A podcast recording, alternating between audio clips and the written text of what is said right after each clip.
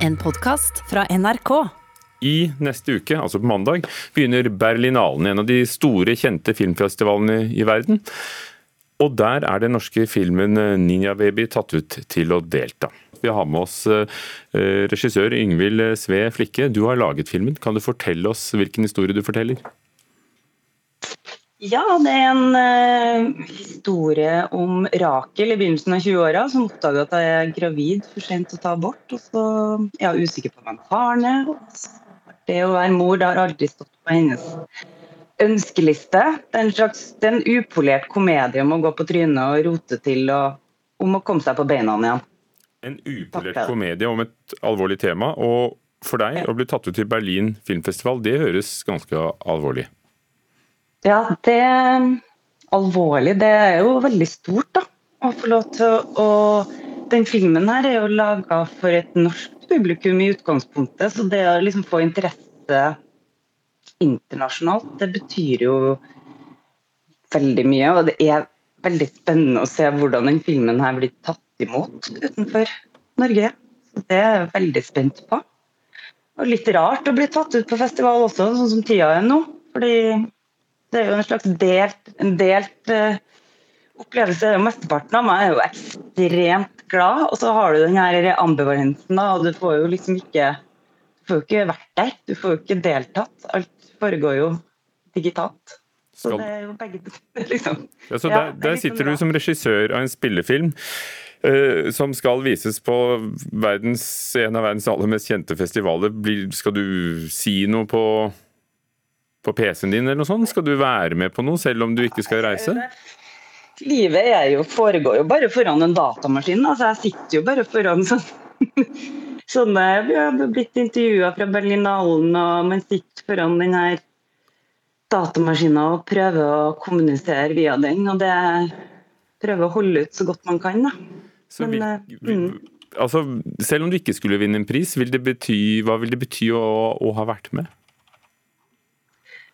Det, det, som, det som jeg tenker, er at jeg føler at den filmen her, også både måten den er laga på og det den handler om, er veldig altså den, Jeg har tenkt at det er en film for et nordisk publikum, og det å få lov til å vise den internasjonalt. Jeg er veldig spent på hva folk tar med seg ut av filmen. og Hvis jeg kan få en slags følelse av det uten å være til stede, så er jo jeg veldig glad da. Men hvordan det skal skje, det vet jeg ikke.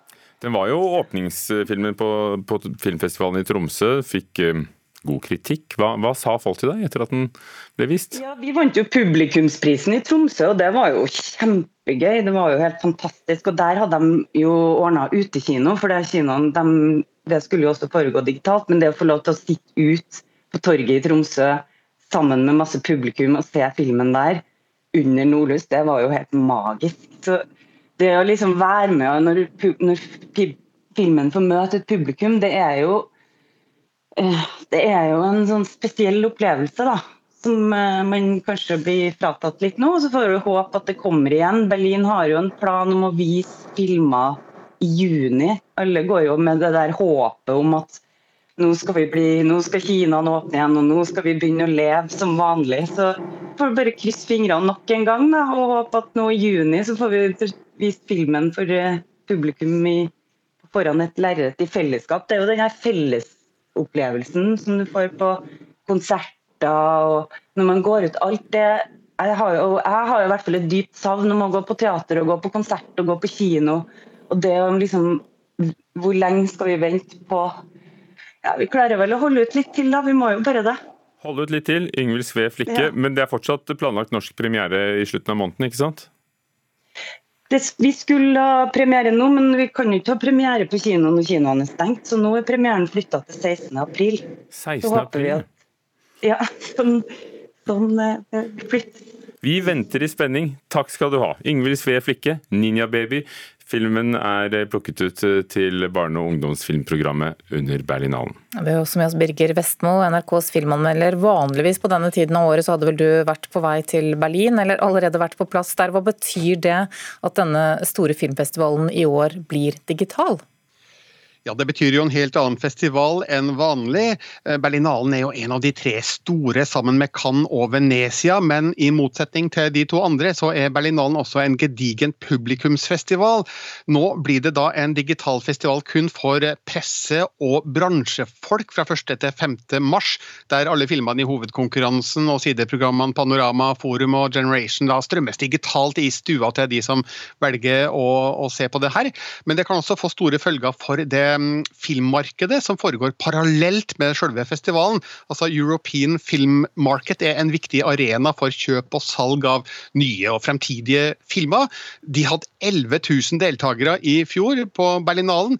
Blir nok langt mindre trykk nå i år, men det går an. Um, det store filmmarkedet i Cannes var også digitalt i fjor, men ble regna som en suksess da med, med 10 000 deltakere. De hadde um, ca. 1200 visninger, og jeg mener jeg leste at ca. 3,5 500 filmer ble pitcha og presentert. Men som Yngvild sa, så um, håper jo da Berlinalen på å ha en fysisk festival i juni, altså mellom 9. og 20. juni, med flere visninger både innendørs og utendørs, så ledelsen håper nok i det lengste at det også blir en fysisk del av Berlinalen, men eh, nå til uka så blir det altså rent eh, digitalt.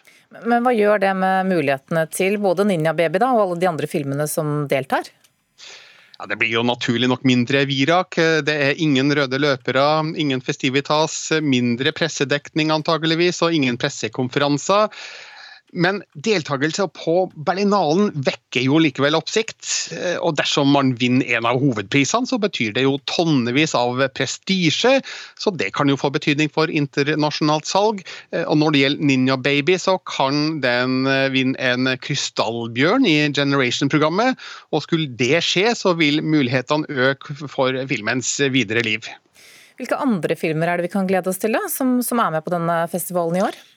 Ja, I hovedprogrammet så har jeg merka meg 'Petit Maman' av Céline Sciamma, som imponerte meg og veldig mange andre med filmen 'Portrett av en kvinne i flammer' i fjor.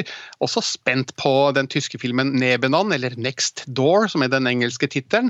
Dette er faktisk da debutfilmen til skuespiller Daniel Bryl, kjent fra filmer som 'Goodbye Lenin', 'Inglorious Bastards' og 'Rush'. I Panorama-programmet så um, er jeg spent på 'Night Raiders', en kanadisk film av Dani Goulet som har Elle Maja Tailfeathers i eh, hovedrollen. Hun er da halvt samisk skuespiller og regissør, kjent for fjorårets The Body Remembers When the World Broke Open.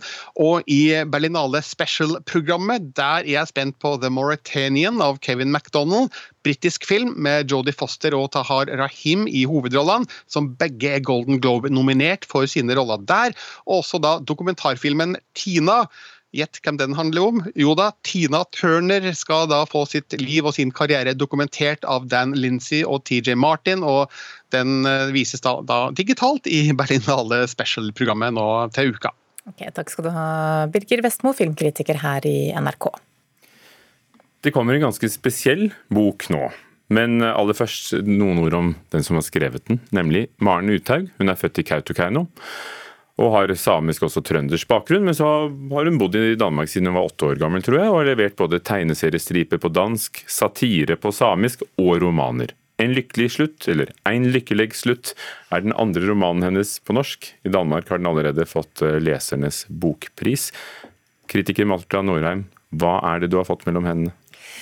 Ja, altså eh, Drastisk er på en måte mellomnavnet til Maren Uthaug. Og eh, denne romanen er også en veldig drastisk roman om en familie som gjennom mange generasjoner har arbeidet med døde.